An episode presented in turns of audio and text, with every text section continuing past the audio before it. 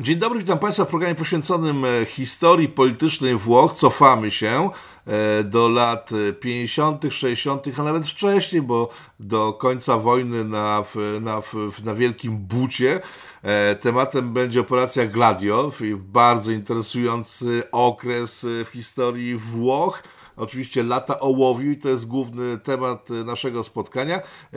Temat, który w jest poniekąd znany w Polsce, ale chyba nie do końca, bo kiedy Aldomoro, który też będzie tematem naszego spotkania, został porwany przez czerwone brygady, e, w efekcie parę lat później na ulicach Polski pokazywały się napisy na ścianach Urban, Urban to był rzecznik prasowy rządu, ty z Moro zginiesz jak Aldomoro, także do kultury w takiej popularnej w Polsce te lata też jakoś przeszły, ale zacznijmy od początku, czyli od tego, co się wydarzyło po wojnie na, na Wielkim Bucie we Włoszech, bo taka powszechna opinia krążąca, z którą się spotkałem, jest taka, że w związku z tym, że alianci wygrali II wojnę światową i wyzwolili Włochy, to Włochy stały się prawicowe, rządy były prawicowe i generalnie bardzo proamerykańskie.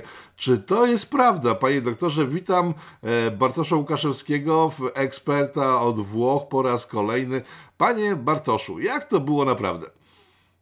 Dzień dobry, witam Państwa serdecznie, witam Panie Rafale. E, cóż, e, należałoby się odwołać nawet nie do samych lat 50., ale jeszcze może do tego okresu krótkiego, ale burzliwego i bardzo ważnego i przede wszystkim e, będącego jedną z podstaw, fundamentów późniejszego konfliktu politycznego, bo przecież te lata 43-45 to już jest bardzo rozwinięta wojna domowa we Włoszech i ta wojna domowa przede wszystkim dlatego, że Benito Mussolini do 43 roku roku to, co można było, jednak przegrał. Od 1943 roku, gdyby nie było pomocy niemieckiej, gdyby słynnej akcji e, Otto Skorcenego, e, który pomógł, jego partyzanci, jego agenci, e, jego żołnierze, Zresztą jeśli chodzi o Otto Skorcenego, to jest to jeden z SS-manów e, najcieplej wspominanych we Włoszech, tyle że e, tego akurat sentymentu nazistowskiego specjalnie w Italii nie ma. Skorceny może Leon de Grelle, ale to bardziej ideologicznie. W każdym razie on jest wspominany przede wszystkim przez tą stronę, która e, kiedy żyłaby zapewne od 43 do 45, kiedy funkcjonowała włoska Republika Socjalna, e, no i to jest właśnie, e, to jest właśnie ten moment, e, którą stworzył tak zwaną Republikę Salo, którą stworzył Benito Mussolini. Pod oczywiście protektoratem niemieckim, to rzeczywiście do tego czasu należałoby się odwołać, e, bo część e, dzisiejszych nawet post czy neofaszystów włoskich e, to są sympatycy tego okresu. W niektórych sklepach możemy nawet kupić flagi Włoskiej Republiki Socjalnej. I teraz pytanie jest następujące. Dlaczego? Otóż dlatego, że druga strona rzeczywiście wygrywała, że partyzanci antyfaszystowscy, tak się nazywali, jednak też o mocno prokomunistycznych zapatrywaniach, zaczynali przejmować, przejmować niemałą część e, włoskich terenów i te tereny, które były matecznikiem faszyzmu, one rzeczywiście, północne Włochy, e, do Mussoliniego jeszcze należały. No ale samo to, że we Włoszech istniała republika, istniało państwo, no dość marionetkowe, ale istniało e, przy wsparciu Niemiec, to już radykalizowało nastroje. Oprócz tej radykalizacji nastrojów, pamiętamy, jak cała wojna domowa we Włoszech się skończyła. No i musimy powiedzieć jasno, że jednak w humanitarny sposób Benito Mussolini e, unicestwiony nie został, e, co wpłynęło na gniew tych już pozostających coraz bardziej w podziemiu e, jego akolitów, jego apologetów. Po 1945 roku sytuacja na scenie politycznej była następująca. No oczywiście możemy to, możemy to e, e, zamknąć w takim stwierdzeniu, że tak, e, chrześcijańska demokracja doszła do władzy, ale e, to niewiele, dlatego że chrześcijańska demokracja e, niekoniecznie mogła być nazywana po 1945 roku partią prawicową.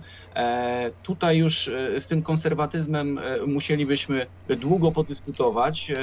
Jeśli chodzi o, o e, partię socjalistyczną, to jak najbardziej istniały. No i to były te dwie główne siły polityczne: Demokracja Christiana i e, Partito Socialista Italiano, partia socjalistyczna. E, natomiast od 1944 roku bardzo inteligentną politykę prowadził przywódca włoskiej partii komunistycznej, Partito Comunista Italiano, spadkobierca Antonio Gramsciego i Amadeo Bordigi, którzy założyli tą partię jeszcze w latach 20. w Livorno, Palmiro Togliatti. No i Palmiro Togliatti z jednej strony e, to osoba, która podejrzewana jest o wręcz agenturalność, dlatego że przecież kiedy popatrzymy na jego biografię, kiedy zmarł, bo lat ołowiu nie doczekał, to sam Toliati dokonał swojego żywota na Krymie. Tam się leczył w sanatorium, dokładnie w Jałcie i tam zmarł. To był rok 1964, o ile dobrze pamiętam. Natomiast cóż e, takiego zrobił? No przede wszystkim starał się jednak e, ten duopol e, po części rozbić, tą dychotomię, tą opozycję pomiędzy partiami, które też zbliżały się mocno do siebie. On starał się to rozbić, ale w bardzo specyficzny sposób. Otóż zanim jeszcze ktokolwiek mówił o eurokomunizmie, zanim ktokolwiek mówił o socjalizmie z ludzką twarzą, to Palmiro Togliatti w specyficzny sposób. Na przykład e, poparł wpisanie paktów laterańskich do konstytucji. Nikt nie sądził, że wiadomo w jakim okresie te pakty zostały podpisane, że Palmiro Togliatti, przywódca partii komunistycznej, będzie potrafił zdecydować się na taki krok, ale się na taki krok zdecydował. E, on starał się e, ów wizerunek zdecydowanie rewitalizować i po prostu został w pewnym momencie uznany e, za osobę całkowicie wiarygodną, całkowicie przewidywalną. Włoska Partia Komunistyczna e, zaczynała powoli odbierać również głosy Partii Socjalistycznej. E, tak na marginesie, w tym samym czasie partia socjalistyczna była marginalizowana przez samą chrześcijańską demokrację. O tym już powiedziałem. One się zbliżały, zbliżały się ideologicznie. Mam taką pozycję, myślę, że warto ją pokazać. Ona w Polsce E, dopiero e, po 1989 roku się ukazała, aczkolwiek świeżo po, e, włoska lewica chrześcijańska. No i właśnie. E, I młodzi działacze, e, demokracja Christiana, rzeczywiście e, starali się może nawet nie flirtować z lewicą, tylko tworzyć różnego rodzaju koncepcje, które mogłyby później być podwaliną sojuszu. Nawet sojuszu z włoską partią komunistyczną. A ta włoska partia komunistyczna zyskiwała coraz więcej głosów. W niektórych miastach, w niektórych miastach przejmowała samorządy. W związku z czym rzeczywiście takie widmo rządów PCI w całych Włoszech istniało No i mamy połowę, połowę lat 50. I właśnie wtedy, zauważając te tendencje, e, możemy zacząć, e, zacząć mówić o pewnych przygotowaniach, przygotowaniach do pewnych działań, e, przygotowaniach do konfrontacji. Bo kiedy mówimy o latach ołowiu, e, możemy powiedzieć w sposób prosty, e, że to po prostu była wieloletnia konfrontacja e, zrewoltowanej młodzieży radykalnie lewicowej, zrewoltowanej młodzieży radykalnie prawicowej. No ale jeśli tak powiemy, to okej, okay, powierzchownie to będzie trafne, analitycznie cokolwiek naiwne, e, bo przecież połowa lat 50. to jest e, sytuacja, w której jak się później okazało i przyznane to zostało 40 kilka lat po, e, po połowie lat 50. zaczęła funkcjonować w strukturach wywiadu włoskiego tajna struktura Gladio. Ta struktura Gladio była związana z sojuszem e, pomiędzy e, z jednej strony e, CIA i antykomunistycznym nastawieniem CIA. Operacja, operacja Gladio to jest słynna operacja polegająca na tym, że CIA sponsorowało Jedni mówią e, destrukcję państwa, inni mówią, że ratowało Włochy przed wpadnięciem w ręce komunizmu. E, od czego tutaj zacząć? Od już samych lat Ołowiu, czy operacja Gladio, która jest chyba punktem wyjściowym do e, dalszej rozmowy? Absolutnie, zdecydowanie punktem wyjściowym jest nawet nie tyle operacja Gladio, co jeszcze niedopowiedziana przeze mnie sytuacja polityczna, bo gdyby nie ta sytuacja polityczna, to Włochy nie byłyby tak wygodnym miejscem, wygodną płaszczyzną do czegoś, co dzisiaj znamy e, pod nazwą konfliktu zastępczego. E, bo to był po części konflikt zastępczy. PCI to była partia wspierana mocno przez e, towarzyszy sowieckich. Natomiast gdyby nie marginalizacja jeszcze jednej bardzo ważnej partii z punktu widzenia właśnie porządku powojennego, czyli Movimento, Socialist, Movimento Sociale Italiano, czyli włoskiego ruchu społecznego, czyli tej partii postfaszystowskiej, e, spadkobierczyni e, Partito Nazionale Fascista, to podejrzewam, że działania CIA e, no, trafiłyby jednak w próżnię. Tymczasem rzeczywiście Jeśli chodzi o włoski ruch społeczny, o MSI, Movimento Sociale Italiano, to pojawiły się tam mocne frustracje z racji tego, że ta partia była zmarginalizowana. To była partia, która przecież długi, długi czas rządziła od lat 20., a później marginalizacja. No i cóż ci działacze mieli robić? I okazało się, że byli tacy działacze. Na przykład jednym z nich był niejaki Pino Rauti. Ów Pino Rauti był weteranem wojny we Włoszech e, po stronie Benito Mussoliniego. No i Pino Rauti e, założył organizację, e, która nazywała się bardzo specyficznie. Dzisiaj to już w ogóle mamy różne skojarzenia, czyli Nowy Porządek, Ordine Nuovo. E, no i to Ordine Nuovo to była organizacja mocno radykalna, pewnie jedna ze skrajniejszych, tylko znowu, e, kiedy mówimy o tych etykietkach skrajna lewica, skrajna prawica, powiedziałem już o tym, jak zmieniała się Hadecja. Tam była taka tendencja terza generazione, trzecia generacja, e, mhm. która starała się zbliżać, zbliżać również nawet do partii komunistycznej, a znowu ta radykalizacja, jeśli chodzi o radykalną prawicę, no już nazwijmy ją w ten sposób umownie, to była radykalizacja pod podążająca w stronę rewolucyjną. Nie konserwatywną, tylko rewolucyjną, bo przecież e, widzowie już e, pytali przy naszych spotkaniach wielokrotnie, e, co z tym faszyzmem, czy on był konserwatywny, czy nie. On przede wszystkim był czasami, czasami bardzo pragmatyczny, ale ogółem z konserwatyzmem rdzenny faszyzm włoski wiele wspólnego nie miał, bo to był raczej manifest oparty na futuryzmie, oparty właśnie na działaniach wywrotowych, tworzących nowy porządek i stąd to Ordine Nuovo. No i mamy sytuację połowy lat 50., mamy, mamy jeszcze operację Gladio. I rzeczywiście te środki finansowe z jednej i z drugiej strony zaczynały płynąć. E, tylko do momentu, e, kiedy sytuacja nie zaczęła się wymykać spod kontroli jednej i drugiej stronie, e, to no, nie dochodziło do specjalnych wystąpień. Kalendarium jest, tylko właściwie nie wiadomo, kto wykonywał te działania, nie wiadomo, kto był sprawcą, nie wiadomo, kto, kto motywował, nie wiadomo, kto finansował i tak dalej. No i cóż, E, mamy sytuację, w której Palmiro Togliatti umiera, e, czyli szef włoskiej partii komunistycznej. On nie doczekał do latołowiu, ale cztery lata później podejrzewam, że z zagrobu pewnie się ucieszył, dlatego że w 1968 roku, tym słynnym 68 roku, Partito Comunista Italiano e, we Włoszech wygrała wybory. Partia komunistyczna we Włoszech wygrała wybory. Miała 27% poparcia, aczkolwiek nie stworzyła rządu. Nie stworzyła rządu, co nie zmienia faktu, że jeszcze wcześniej poszczególni działacze czasami do rządu wchodzili, no ale, e, ale ona nie miała jeszcze wtedy wielkiej zdolności koalicyjnej, choć pewne flirty były, no i do rządu nie weszła. Ale to był już sygnał ostrzegawczy, bo jeśli partia komunistyczna, e, która e, zrehabilitowała tą ideologię w pewien sposób. Niewątpliwie tak, niewątpliwie tak. E, to bardzo ciekawy przykład, e, kiedy partia, która właściwie była partią stalinowską czy poststalinowską, wygrała wybory w 1968 roku, 27% ewenement. Legalnie, bez żadnych Legalnie. przekrętów, takich jak miało miejsce w Europie Wschodniej. Absolutnie. Całkowicie, całkowicie wolne wybory, niesfałszowane w żadnym wypadku, nie było manipulacji. 68 e, rok, symbolicznie włoska partia komunistyczna wygrywa. No i proszę zauważyć, i to była sytuacja właściwie, która e, nawet z punktu widzenia ideologicznego e, właściwie musiała się wymknąć spod kontroli, no bo radykalizmy determinują zachowania, e, które wychodzą poza normy. No z definicji takimi są.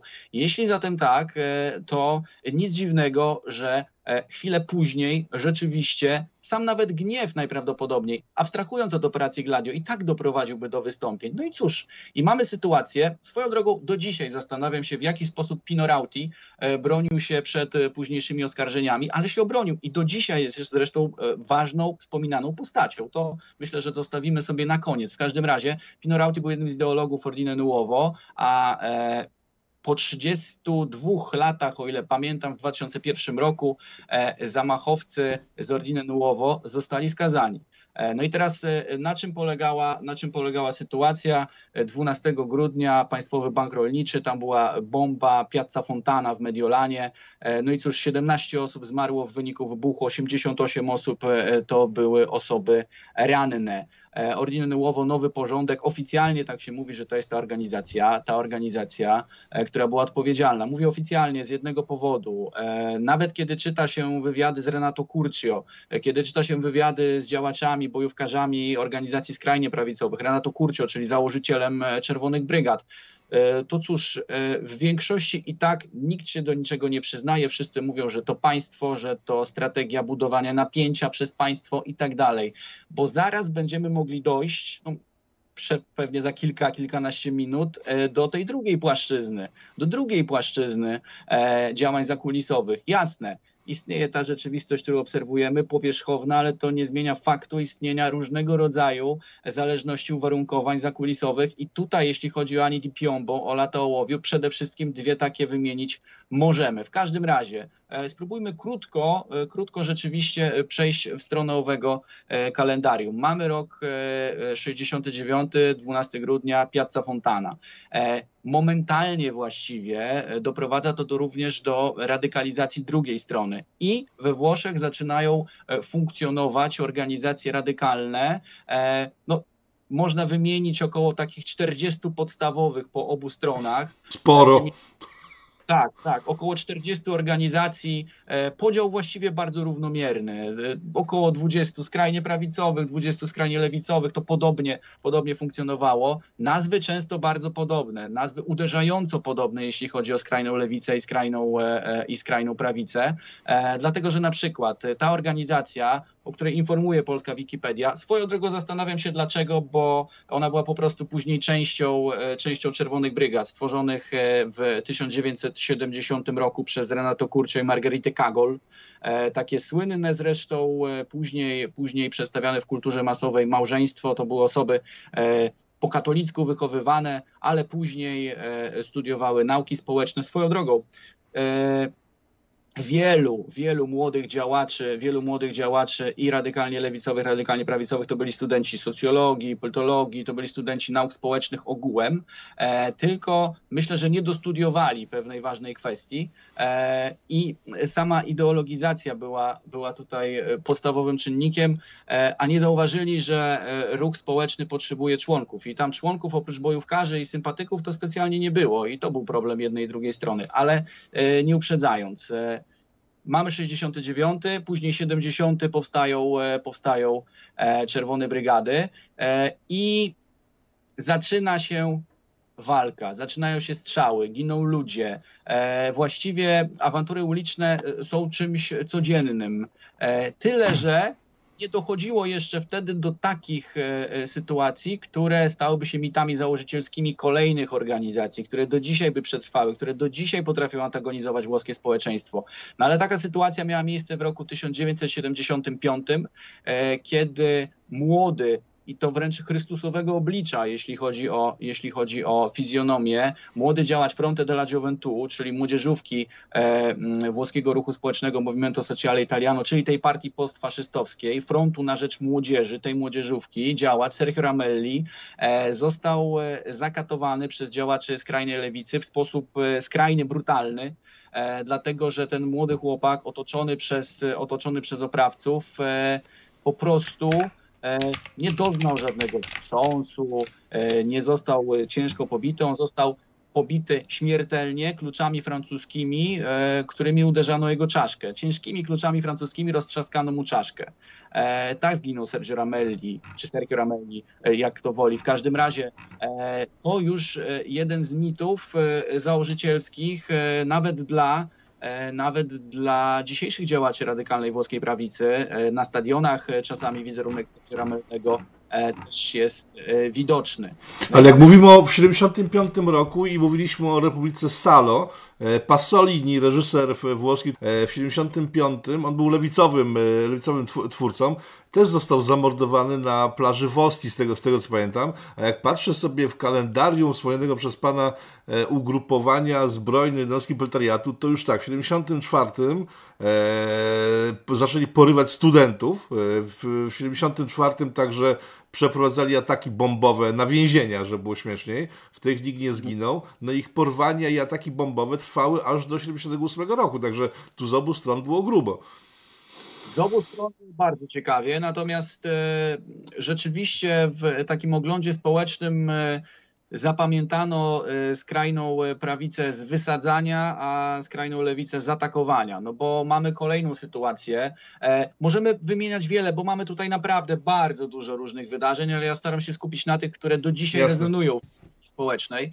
Jeśli popatrzymy na te, które do dzisiaj rezonują w przestrzeni społecznej, to mamy rok 78. No i ten rok 78 to nie jest E, najpierw e, Aldo Moro, porwanie Aldo Moro, to nie jest e, ta sytuacja, niewątpliwie podstawowo opisana później w filmie Rok Broni z Nicole Kidman i tak dalej. No nie, nie to, ale 7 stycznia bardzo szybko coś bardzo ważnego do dzisiaj we Włoszech stało się w dzielnicy Tuscolano, Quartiere Tuscolano w Rzymie pod siedzibą znowu Włoskiego Ruchu Społecznego. Tam byli działacze Fronte della Gioventù, czyli młodzieżówki, e, młodzieżówki e, postfaszystowskiej. No i cóż takiego, cóż takiego się stało?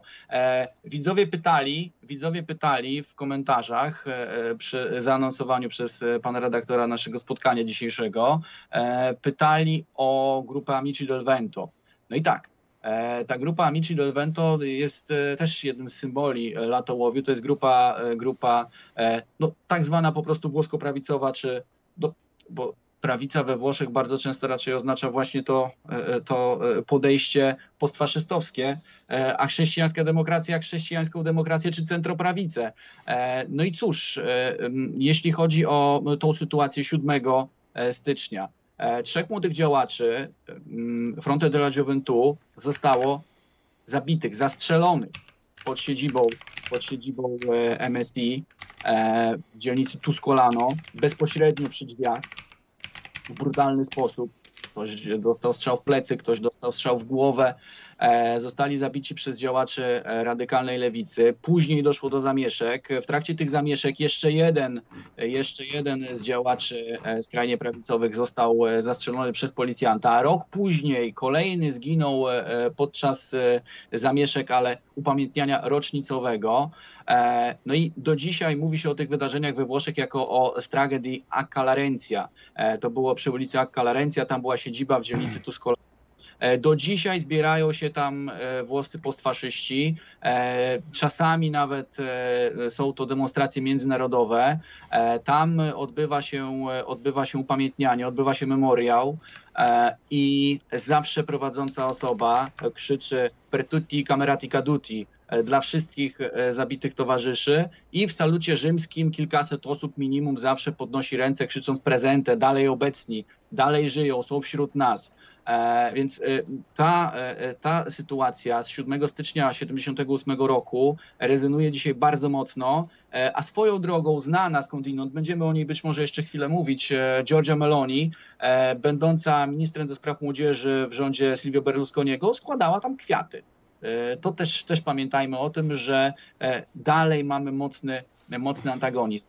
O tej, wszystko... o tej pani wspomnieliśmy w poprzednich naszych programach dotyczących Włoch, także jeżeli ktoś chce wiedzieć więcej o kobiecie, którą wspomniał pan doktor, to w, poniżej naszego programu są linki do poprzednich części materiałów związanych, związanych z Włochami. Okej. Okay. E, no właśnie. Natomiast to e, jedna strona, ale druga strona nie pozostawała dłużna. E, chcąc uwolnić chcąc uwolnić e, swoich 14 towarzyszy, e, członkowie Czerwonych Brygad 16 marca 1978 roku porwali Aldo Moro. Porwali premiera Aldo Moro. E, sytuacja specyficzna, sytuacja absolutnie bez precedensu. 9 maja później, po pewnym czasie, Aldo Moro został w cudzysłowie, czy też jego ciało podrzucony na jedną z rzymskich e, ulic. E, no i tu pojawia się ciekawa postać, Państwo też pytali, gdybyśmy mieli to w długi sposób analizować, to nie wystarczyłoby nam czasu jeszcze pewnie przez dwa dni o rolę Romano Prodiego. Do dzisiaj rola Romano Prodiego nie jest wyjaśniona, jeśli chodzi o specyficzną wiedzę, którą posiadł w kontekście porwania Aldomoro. On najpierw twierdził, że, że pozyskał pewne informacje od E, założycieli, od członków e, Demokracja Krystiana, chrześcijańskiej demokracji, bo pamiętajmy, Aldo Moro do dziś, dzisiaj kojarzony jest z centrolewicą i to bardzo mocno. Natomiast Aldo Moro e, przez bardzo długi czas był politykiem chrześcijańskiej demokracji. Ministrem w jednym z rządów przemożnej postaci, która swoją drogą E, wiele powiedziała o latach ołowiu i w ten sposób też i chrześcijańska demokracja się skompromitowała. E, Romano Prodi był ministrem e, w rządzie Giulio Andreottiego w jednym z rządów. No i cóż, i ten akt zabójstwo Aldo Moro to był już moment, kiedy sytuacja zaczęła chylić się ku upadkowi. Z jakiego powodu? No, wydarzenia wymknęły się spod kontroli, poszły zbyt daleko i wydaje się, że nawet w tym akurat przypadku tak radykalne działanie, gdyby nawet były to grupy spiskowe, gdyby nawet były to e, dalej działania e, zakulisowe, to e, ono już się nie przysłużyło specjalnie tej drugiej zakulisowej logice, o której chciałem powiedzieć. No bo spójrzmy. Mamy, wróćmy, mamy rok 55. Operacja Gladio. Mamy sytuację, w której włoska partia komunistyczna może dojść do władzy. Włoska partia komunistyczna 13 lat później wygrywa wybory, aczkolwiek nie tworzy rządu. E, marginalizowana partia socjalistyczna, wielka, ale partia, która zaczyna tracić głosy w związku z inteligentną i wspieraną przez Związek e, Sowiecki polityką Palmiro Toliatiego. E, mamy chrześcijańską demokrację, która wie, że pełnej samodzielnej większości nie zbuduje, więc musi się porozumiewać i tworzą się tam tendencje typu właśnie terza generacjone, czy nowa lewica chrześcijańska, nawet była taka frakcja, która starała się z lewicą porozumiewać. Mamy zmarginalizowane MSI. E, I teraz postfaszystowskie. No i sytuacja jest następująca. Pojawiają się grupy radykalne. E, dla działaczy e, neo czy postfaszystowskich to, że młodzież działała radykalnie, nie było żadnym problemem, bo w ten sposób ta ideologia była stale obecna. Ogromnym problemem dla partii socjalistycznej była partia komunistyczna, która odbierała głosy. Problemem ogółem radykalizacji jakakolwiek była i stanowiła taki problem dla e, chrześcijańskiej demokracji, która w naturalny sposób była raczej partią zachowawczą, przynajmniej deklaratywnie. No i ta druga zakulisowa logika polegała po prostu na tym, żeby skompromitować ekstrema i zachować centrum. Skompromitować ekstrema, zachować centrum. I teraz e, mamy rok 1980 e, i to właściwie można uznać za koniec tych lat ołowiu e, Ani di Piombo, jakie znamy pomiędzy 1969, 12 grudnia, a właśnie 1980. Do czego dochodzi? Znowu spróbuję odpowiedzieć, bo udało mi się zapamiętać e, kilka pytań. Spróbuję odpowiedzieć na to, dlaczego Bolonia. No Bolonia e, stała się miejscem e, zamachu. Mówiliśmy o, mówiliśmy o młodych zradykalizowanych, a tu jeszcze specyficzniejsza sytuacja, bo wspierane przez MSI działania różnych grup radykalnie prawicowych e, doszły już do tego poziomu, e, że nawet MSI przestało chcieć wspierać niektóre organizacje. I e, ta organizacja, która dokonała zamachu w Bolonii, gdzie zginęło 85 osób, 200 osób było rannych na dworcu Bolonia Centrale, to była organizacja, która była już przeciwna właściwie wszystkim. Nuclei Armati Rivoluzionari. Swoją drogą, proszę zobaczyć, jak e, podobne nazwy, wręcz symetryczne. Nuclei Armati Proletari, Nuclei Armati Rivoluzionari. Zaraz postaram się przeczytać fragment, e, fragment wypowiedzi Pino Rautiego, który też o tych zbliżeniach mówił.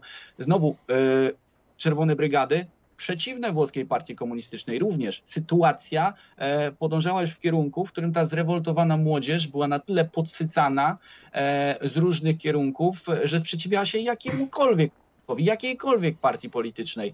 E, NAR, czyli Nuclei Armati Rivoluzionari, ci, którzy wysadzili niemałą część dworca e, w Bolonii, sprzeciwiali się e, nawet już Rautiemu, Ordine Nuovo, sprzeciwiali się awangardzie narodowej, awangardzie nacjonale, wszystkim tym grupom. No i cóż, stan był opłakany E, niesłychana zbrodnia. Słucham, proszę bardzo. E, pytanie takie, bo w, w, w, oczywiście CIA pojawia się tutaj z pieniędzmi, tak? Znaczy w historii jest zapisane, bo w latach 90. wyszło to na jaw, ale jeżeli patrzymy na lata 50. i 60., to ciekawostka w, chyba, nie wiem, mało znana, bo się nie dowiedziałem całkiem niedawno. E, w latach 50. KGB sponsorowało w Niemczech nie ruchy socjalistyczne, tylko właśnie faszystowskie, nazistowskie e, związki byłych kombatantów Waffen-SS i tam pchali, i tam KGB pchało pieniądze. E, na ile zmożliwa sytuacja, że we Włoszech, no CIA wypłynęło w papierach, tak, że obie te strony były sponsorowane na przemian przez obie strony konfliktu światowego, czyli przez CIA CIA i KGB. Bo to, co pan powiedział, sytuacja, która miała miejsce we Włoszech, wymknęła się mocno spod kontroli, ale wcale nie jest powiedziane, że to jest taki prosty, e, pro, pro, prosty wektor, że e, CIA sponsorowała prawicę umowną, e, a KGB tylko wyłącznie lewicę. Możliwe są całkiem inne układ, część układanki w tym miejscu. Zależne po prostu od bieżącej rywalizacji. Mhm bądźmy zupełnie szczerzy, kiedy popatrzymy nawet na dzisiejsze działania Federacji Rosyjskiej, a tu mamy absolutną ciągłość historyczną, jeśli chodzi o służby, e, to dzisiaj e, służby wspierają różnego rodzaju nawet nie radykalnie, ale skrajnie prawicowe, bardzo antyunijne ruchy, czy starają się infiltrować, po prostu starają się infiltrować. Mówię o, o, o dzisiejszym FSB. I te, ruchy nawet nie muszą, I te ruchy nawet nie muszą wiedzieć, że są sponsorowane przez FSB, czy Rosję, czy przez CIA Amerykanów, bo pieniądze wpływają, one nie wiedzą skąd są, ale wiedzą, że są, w związku z tym działają. No więc logika, panie redaktorze, jest następująca. E, mamy pewien okres, e, mamy określone lata, mamy określone wydarzenia. E, wiemy, że będąc, będąc zaangażowanymi w działalność wywiadowczą, wiemy, że mamy pewną siatkę agenturalną. I teraz, jeśli mamy tą siatkę agenturalną, to sponsorujmy tych, którzy do niej przynależą. A jaki jest kolor tego działacza, to już jest zupełnie inna kwestia. No i tu mamy kolejny poziom, czyli mieliśmy bo ważniejsza, poziom... bo ważniejsza jest destabilizacja danego państwa czy regionu niż y, jakieś chwilowe zyski dla jednej lub drugiej ideologii. Absolutnie tak. Jeśli uda się zdestabilizować, jeśli w ten sposób uda się ten konflikt zastępczy wygrać, czy prowadzić w tym konflikcie zastępczym, tutaj mamy kolejną płaszczyznę działań zakulisowych. To są kwestie gospodarcze, e, dostępu do surowców i tak dalej, i tak dalej. Wiele można by było o tym mówić. To cóż, e, nie, nie uważam, że to jest bardzo prosty podział polegający na tym, że CIA wspierało radykalną włoską prawicę postfaszystowską, e, a, a KGB jedynie Czerwone Brygady, Brigady i inne organizacje e, skrajnie lewicowe zapomnieliśmy, a właściwie zapomniałem e, wspomnieć jeszcze o takiej postaci bardzo ciekawej, typu, e, mm, no zresztą szereg, szereg tego typu postaci, ale mówię o Antonio Negrim. Dzisiaj profesor, dzisiaj osoba, która już wróciła, która może we Włoszech mieszkać. Kiedyś uciekał do Francji, tam przede wszystkim działał jeden z ideologów tak zwanej autonomii robotniczej. Do dzisiaj zresztą w miastach włoskich czasami mamy takie P.O, ale e, to nie jest e, to PO, które znamy, tylko to jest Potere Operaio, Potere Siła Robotnicza albo AO, czyli Autonomia Operaio, czyli Autonomia Robotnicza. W każdym razie po 1980 roku właściwie te działania terrorystyczne z obu stron były mocno już likwidowane. I kiedy rozmawiałem z działaczami, kiedy rozmawiałem z działaczami Casa Pound Italia z Neapolu i z Noto z Sycylii, to zadawałem pytanie, czy w związku z tym, że szczególnie po 1975 roku działacze MSI również zaczęli się odżegnywać, że doszło do specyficznego sojuszu nawet części MSI z chrześcijańską demokracją, czy wy uważacie, że ci starzy działacze postfaszystowcy to byli zdrajcy. Nie, my w ogóle nie uważamy, że to byli zdrajcy. W żadnym wypadku. Nie, to nie byli zdrajcy. Oni później działali. Niektórzy z nich wchodzili e, do rządów, niektórzy zajmowali wysokie funkcje, tacy jak na przykład Gianni Alemano czy Gianfranco Fini. E, ale nie, nie uważamy, bo to byli zwykli politycy prawicy. Prawicy, ale to nie mhm. oznacza, że oni mieli takie poglądy jak my, bo to byli politycy prawicy, a nie osoby o naszym punkcie widzenia. I tu spróbuję, spróbuję właśnie przeczytać pewną wypowiedź e, Pino Rautiego. Znowu ciekawa pozycja, aczkolwiek e, pozycja aniołowie, aniołowie śmierci, choć naznaczona jednak jeszcze okresem PRL-u mocno, napisana przez e, napisana przez korespondenta TVP, wieloletniego w Rzymie w czasie latołowi również, ale pojawia się tu znakomity cytat, który obrazuje, obrazuje to, jak proste, jak proste było uzależnienie ówczesnej młodzieży e, od e, różnego rodzaju radykalnych tendencji i manipulowanie, podsycanie tych tendencji. E, proszę posłuchać. Nie różnimy się tak bardzo od tych młodych, którzy mimo, że należą do ugrupowań ultralewicy pozaparlamentarnej, walczą tak jak my przeciwko temu systemowi. To Pinorauti. I jeśli chodzi E, o dalszą wypowiedź. Powinniśmy uprzywilejować stosunki z tą częścią młodzieży, która jest najbardziej aktywna na lewicy. A członkowie Nuclear Armati Rivoluzionari mówili tak, ci już późniejsi, którzy sprzeciwili się z prawej strony również e, starym faszystom. Jesteśmy znudzeni, słysząc wciąż, że jest młodzież czarna lub czerwona, Młodzież ta musi płacić życiem za błędy reżimu. Niechaj tłuści burżuje uważają, gdyż rewolucyjne organizacje prawicy i lewicy w wyniku bezlitosnej rewolucji zmiażdżą w końcu ten plugawy system. I to jest wypowiedź członków organizacji, która wysadziła dworzec w Bolonii.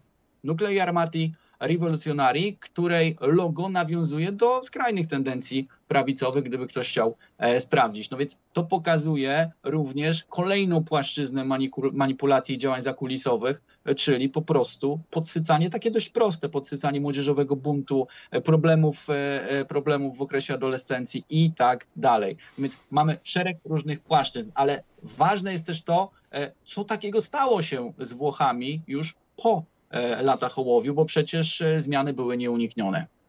Znaczy sytuacja tego przypomina dzisiejszą sytuację, kiedy to młodzież na ulicach jest przypisywana przez e, obie strony konfliktu politycznego przeciwnikowi, a tak naprawdę tam, ta młodzież spajana jest jedną myślą, że cały ten establishment polityczny w Polsce i w Europie jest do wymiany, także sytuacja trochę jest analogiczna w porównaniu do tej, która miała miejsce we Włoszech. Kapitału społecznego właściwie nie ma. Możemy poszukiwać i to trochę jak poszukiwanie złota. E, kapitał społeczny, więzi zaufania, kooperacja, solidarność wzajemna, ale nie w sytuacjach oficjalnie kryzysowych, tych, które tak są definiowane przez masy społeczne, no bo mhm. pandemia koronawirusa jest sytuacją kryzysową i tak jest definiowana przez masy, przez ogół społeczeństwa. Jeśli zatem tak, i to niezależnie od tego, czy mówimy o sceptykach, czy mówimy o różnego rodzaju e, innych podejściach, nie. E, ogółem tak, sytuacja jest kryzysowa niezależnie od, od wszystkiego, od naszego światopoglądu. No jeśli zatem tak, to prościej jest pomagać, kiedy rzeczywiście dzieje się coś niepomyślnego, ale tego kapitału oddolnego wielce nie ma. We Włoszech było bardzo podobnie, dlatego że Włosi są społeczeństwem bardzo rodzinnym, ale zaufania do klasy politycznej nie było do dzisiaj swoją drogą zaufania do klasy politycznej we Włoszech e, nie ma. No i to się e, przerodziło e, w właściwie kompromitację każdej z sił, która była aktywna, jeśli chodzi o lata ołowiu. I tych, którzy przewodzili i rządów chadeckich, nie wspomnieliśmy, nie wspomnieliśmy na marginesie jeszcze mówiąc o, e, o agenturalności. Do dzisiaj Romano Prodi jest podejrzewany i nawet e, pojawiają się takie informacje, że sam Aleksander Litwinienko e, potrafił przekazywać informacje o tym, że Romano Prodi był agentem KGB. Mhm. No więc też, to też ważna informacja. W każdym razie wszystkie te siły na scenie politycznej włoskiej, które w latach ołowiu uczestniczyły, właściwie się skompromitowały. No mhm. i mamy sytuację, w 1991 roku, e, jeśli nie przekłamuję, wydaje mi się, że nie, Giulio Andreotti e, powiedział, że tak, istniała tajna struktura Gladio. Istniała tajna struktura Gladio. Skoro istniała tajna struktura Gladio, a Giulio Andreotti o tym wiedział, no to cóż, dla tak rozumianej Hadecji chyba miejsca już nie było. E, na scenie politycznej. Znowu e, włoski ruch społeczny, Movimento Sociale Italiano, był oskarżany o związki z ekstremą prawicową e, i oskarżany o ogromną ilość ofiar. Włoska partia komunistyczna dzięki działaniom Czerwonych Brygad zaczęła się kompromitować, a jeszcze kilka lat wcześniej wygrała wybory właśnie dlatego, że rzecznicy tej radykalnej ideologii, ową ideologię, którą próbował pudrować Palmiro Togliatti, skompromitowali. E, no i cóż, e, partia socjalistyczna była właściwie miałka nijaka i tak była postrzegana i dochodzimy do tego momentu, w którym e, pojawił się bohater, jeden z bohaterów naszych, e, naszych, naszego ostatniego spotkania dotyczącego Włoch, czyli Silvio Berlusconi. Ale to już są lata 90. się cofnął jednak, bo wspomniał pan o Giulio Andreottim. To mhm. jest, myślę, jedna z najważniejszych postaci tamtego okresu. Zresztą, szanowni państwo, jeżeli widzieliście Młodego Papieża, to reżyser Młodego Papieża, zanim nakręcił Młodego Papieża, nagrał jeden z najlepszych filmów politycznych w historii kina, El Divo, to jest film właśnie o e, Giulio Andreottim e, i w tym filmie Andreotti jest pokazany jako główny rozgrywający całego okresu lat 70., bo przypomnę, że tak, był e, premierem między 76 a 79 79, wcześniej 72-73, no i końcówka lat 80., 89-91. Człowiek, który trząsł Włochami przez dwie dekady. Kim on był i jakie miał znaczenie dla całej tej sytuacji włoskiej i na ile wiedział o tym, co się, co się działo? Chyba wiedział. No, Giulio Andreotti wiedział, gdyby nie wiedział, to by później nie powiedział. E, trudno w tym momencie, trudno w tym momencie spekulować na temat e, roli, oprócz tej roli przewodniej, e, bo przecież Andreotti to jest postać, e, która jest immanentnie związana z Włochami tamtego okresu. Człowiek, którego stanowiska możemy wymieniać i wymieniać. Człowiek, który starał się zawsze pozostawać w centrum, zawsze wyważyć e, poszczególne proporcje, zawsze w bardzo inteligentny sposób balansować pomiędzy, pomiędzy stronami. E, trudno powiedzieć, e, trudno mówić o Andreottim bez Aldomoro, który to Aldomoro był rzecznikiem sojuszu chrześcijańskiej demokracji z partią komunistyczną znowu, więc tych sprzeczności wewnętrznych mieliśmy dużo również w samej chrześcijańskiej demokracji. I lata ołowiu, jeśli nie będzie dostępu do archiwów, to to jest trochę nierozstrzygane temat w kontekście jasnego postawienia, postawienia e, rzeczywiście i opisania, że tu mamy tą zmienną niezależną, tutaj mamy już e, zmienną zależną, i jedna zmienna zdeterminowała drugą. No nie, w przypadku latołowiu nie, dlatego że ja chciałem porozmawiać o dwóch płaszczyznach zakulisowych, a już w naszej rozmowie, w dyskusji okazało się, że mamy co najmniej pięć płaszczyzn zakulisowych, a mhm. jeszcze i tak nie dotarliśmy do niektórych, e, o które pytali widzowie. Ale chciałbym, chciałbym delikatnie nawiązać jeszcze do jednej kwestii, bo wydaje mi się, że udało się odpowiedzieć też na te, na te wątpliwości dotyczące chociażby natury faszyzmu, po części przynajmniej skrótowo, ale chciałbym nawiązać do e, właśnie dynamiki ruchów społecznych. No otóż e, każdy ruch społeczny, który nawet się obwoła ruchem społecznym, ale nie będą za nim szły jakiekolwiek, e, jakiekolwiek jednostki, jakiekolwiek grupy, on e, niestety będzie prowadził do tego typu działań, które szczególnie były zauważalne, jeśli chodzi o, e, jeśli chodzi o Brigadę Rossy, o Czerwone Brygady. Otóż e, po prostu się wynaturza, po prostu e, radykalizacja e, doprowadza do zdegenerowania mentalnego. E, I to miało miejsce. E, dlatego e, warto postarać się nawet odróżnić i mówić o włoskiej partii komunistycznej jako po prostu o radykalnej czy skrajnej lewicy, ale od tego czasu mówi się o takich organizacjach, mówiło się o takich organizacjach jak chociażby Brigate Rosse,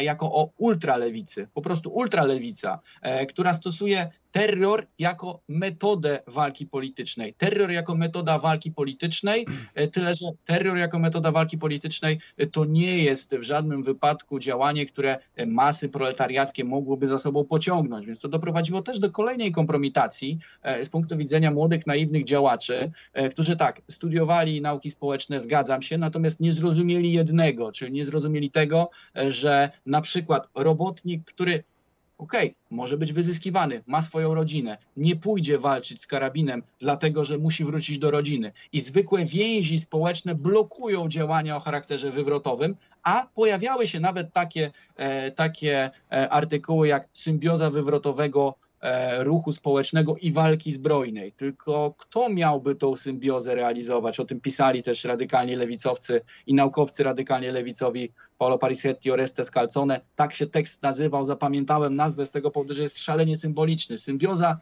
wywrotowego ruchu społecznego i walki zbrojnej. Okej, okay, tylko gdzie zasoby, kto ma tą walkę prowadzić, dlaczego, w jaki sposób. Tak, studentowi jest dużo łatwiej, szczególnie takiemu, który e, jeszcze specjalnie nie jest zakorzeniony w życiu dorosłym. E, mhm. W żadnym wypadku nie chciałbym w tym momencie dotykać e, pamięci tych, którzy zginęli po obu stronach, bo patrząc na te zakulisowe płaszczyzny to jednak byli wykorzystywani marionetkowo. E, natomiast e, jeden z działaczy, jeden z działaczy Casa Pound Italiano, to Andrea Insengazzaro powiedział zdanie następujące.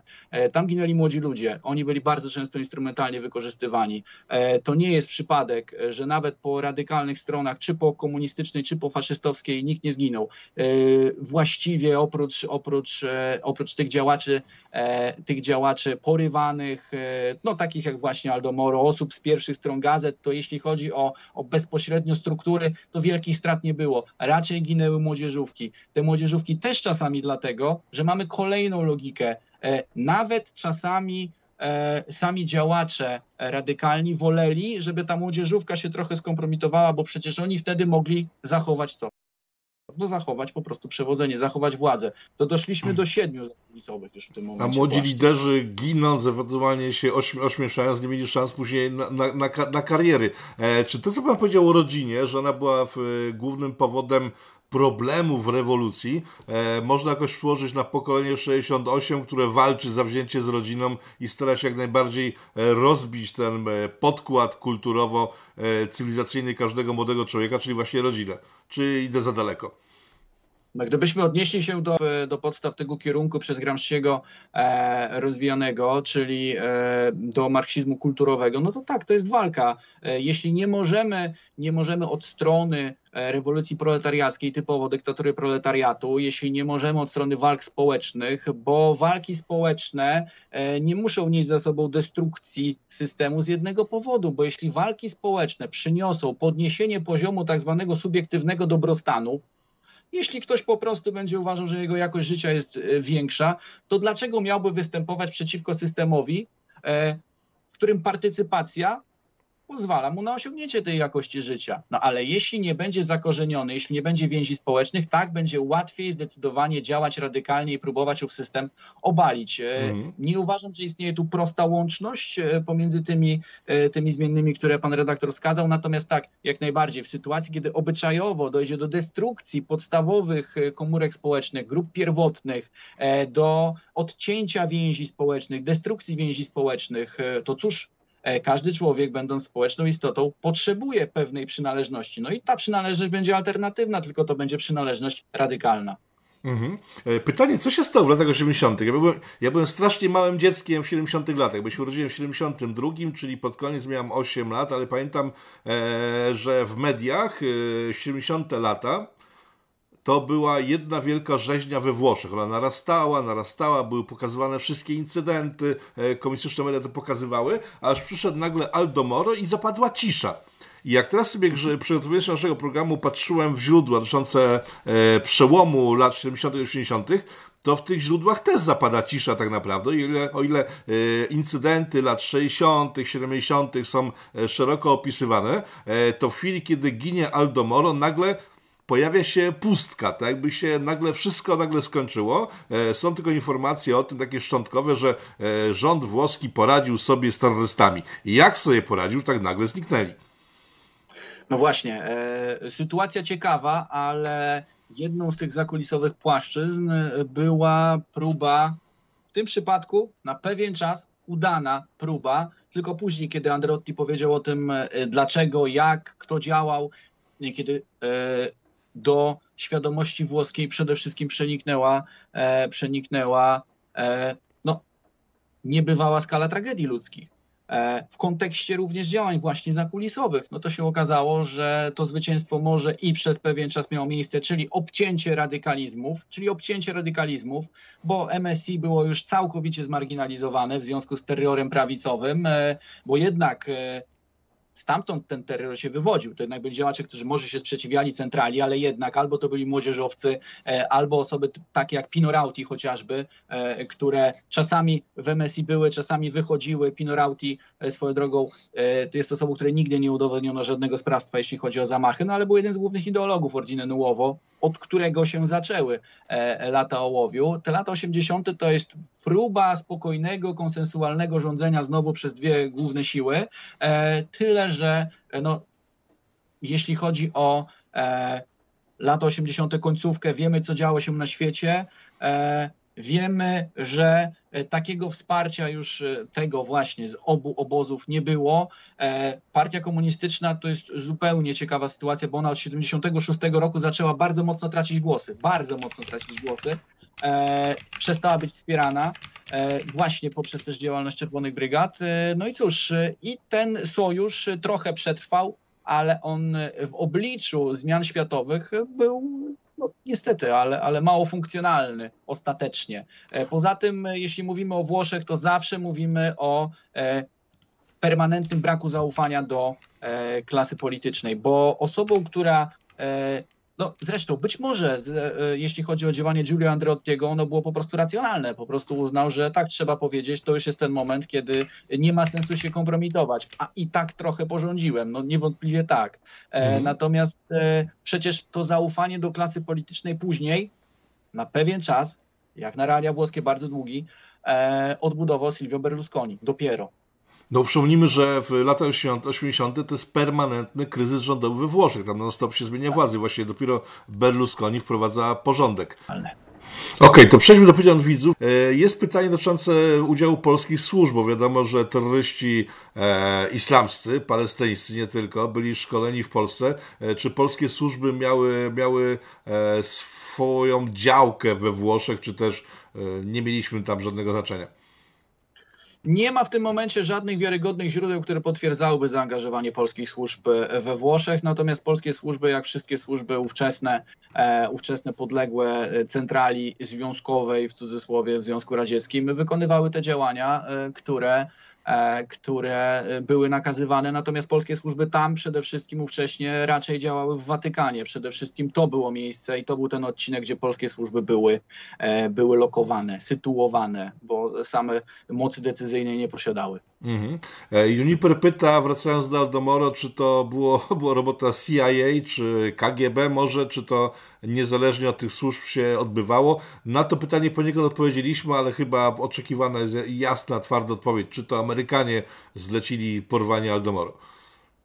Moja jasna odpowiedź dotycząca porwania Aldomoro jest następująca. Nie wiem, czy zostanie tylko uznana za jasną. E, nie ma żadnych twardych dowodów, że byli to Amerykanie i że byli to Rosjanie. Uważam, że Aldomoro to jest niestety błąd e, radykalizacji e, związany z tym, że tak podsycona, rzeczywiście również agenturalnie ówczesna zrewoltowana młodzież takiego aktu się dopuściła, bo równie dobrze możemy powiedzieć, że ktoś zlecił zabójstwo Hansa Martina Schleiera Andreasowi Baderowi, Gudrun Enslin y, i Ulrike Meinhof. Y, no, możemy tak powiedzieć, tylko że Hans-Martin Schleyer to jest znowu ta sama sytuacja. Nagle się okazało, że państwo y, nie ugnie się przed grupką terrorystów i państwo może E, wręcz nawet poświęcić e, na rzecz e, późniejszych działań właśnie swoich poszczególnych funkcjonariuszy.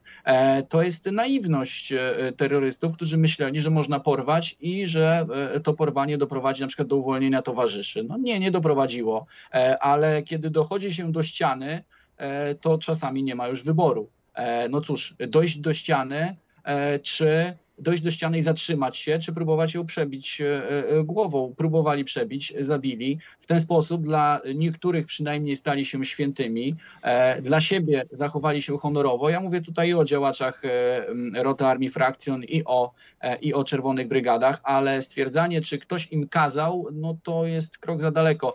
Poza tym służby i to myślę, że bardzo ważne, żeby zrozumieć, jaka jest logika działania służb. Służby nie każą, nie ma rozkazu, nie ma zapisu, y, nie ma telefonu, tak, teraz macie to zrobić. Nie. Służby tworzą określoną atmosferę w tym celu, wiedząc, analizując, tworząc diagnozy, żeby pewne wydarzenia miały miejsce. Ale tam nie ma jasnego stwierdzenia, tak, teraz ty, Renato Kurcio, masz zabić Aldomoru. E, I chyba na koniec pojawił się temat, który możemy się zająć w kolejnym programie, czyli Bader-Meinhof, pokolenie 68, to co się działo w Niemczech w tym czasie, bo to jest też bardzo, bardzo ciekawy okres, temat. Tam są e, terroryści palestyńscy, lewica niemiecka, e, służby od prawa i lewa, także myślę, że kolejny program poświęcimy Bader-Meinhof. Panie Bartoszu, bardzo dziękuję. Linki do materiałów, o których mówiliśmy, znajdziecie Państwo pod tym filmem. Tam wrzucę, bo znalazłem na CDA El Divo Polecam ten film, bo jest obłędnie piękny. E, wrzucimy 100 dni Sodomy, e, chociaż za zareklamowanie 100 dni Sodomy Facebook mnie swego czasu zbanował, mimo że jest obłędnie piękny akurat. Tutaj muszę, muszę jasno, jasno powiedzieć. Oglądałem, nie jest obłędnie piękny. Jak Ale nie jest? warto, żebyśmy powiedzieli, jeśli chodzi o, o, o... To jest czy nie jest, e, bo nie dosłyszałem. Nie jest, nie jest obłędnie piękny. Salot nie jest obłędnie piękny. Ja uważam tak personalnie zupełnie, że. Ja mówię o El Divo. Sal, sal, Salot warto obejrzeć i poznać historię Pasoliniego, bo to, co się dzieło wokół Pasoliniego, to jest odrębna historia. Salo jest potwornie, potwornie przykrym filmem, tak naprawdę, e, ale warto go zobaczyć, żeby zobaczyć, jak lewica włoska, tak kulturalna czy artystyczna, e, widziała ostatnie dni w e, Mussoliniego. Tak, tak myślę pod tym kątem. Definitywnie, definitywnie tak, e, pod tym względem jak najbardziej, natomiast e, to jest jedno z mocniejszych e, dzieł kinowych, jakie można sobie wyobrazić, niezależnie od tego, o jakim okresie, o jakim okresie mówimy. No właśnie, nie zapominajmy, dlatego Salo 120 dni, że właśnie to jest skrót od Republiki Socjalnej Salo, ona tak się nazywała. Ten okres, od którego zaczęliśmy, 43-45, północ Włoch. Okej. Okay. Panie Bartoszu, bardzo dziękuję. Państwu dziękujemy za wysłuchanie kolejnego długiego materiału o historii Włoch. E, I zapraszamy na program o Bader Meinhof i pokoleniu 68, bo tu jest jeszcze grubiej, myślę, niż we Włoszech w tym samym okresie. Panie redaktorze, czy będziemy mówić o Danielu Konbendicie i jego pewnych dykteryjkach Też. związanych z różnego rodzaju kontaktami intymnymi? Będziemy. Tak. Zgłaszam, obecność. To zgłaszam obecność w takim razie. Okej, okay, to ja też padnę w takim razie. Do zobaczenia Państwu i bardzo panu dziękuję.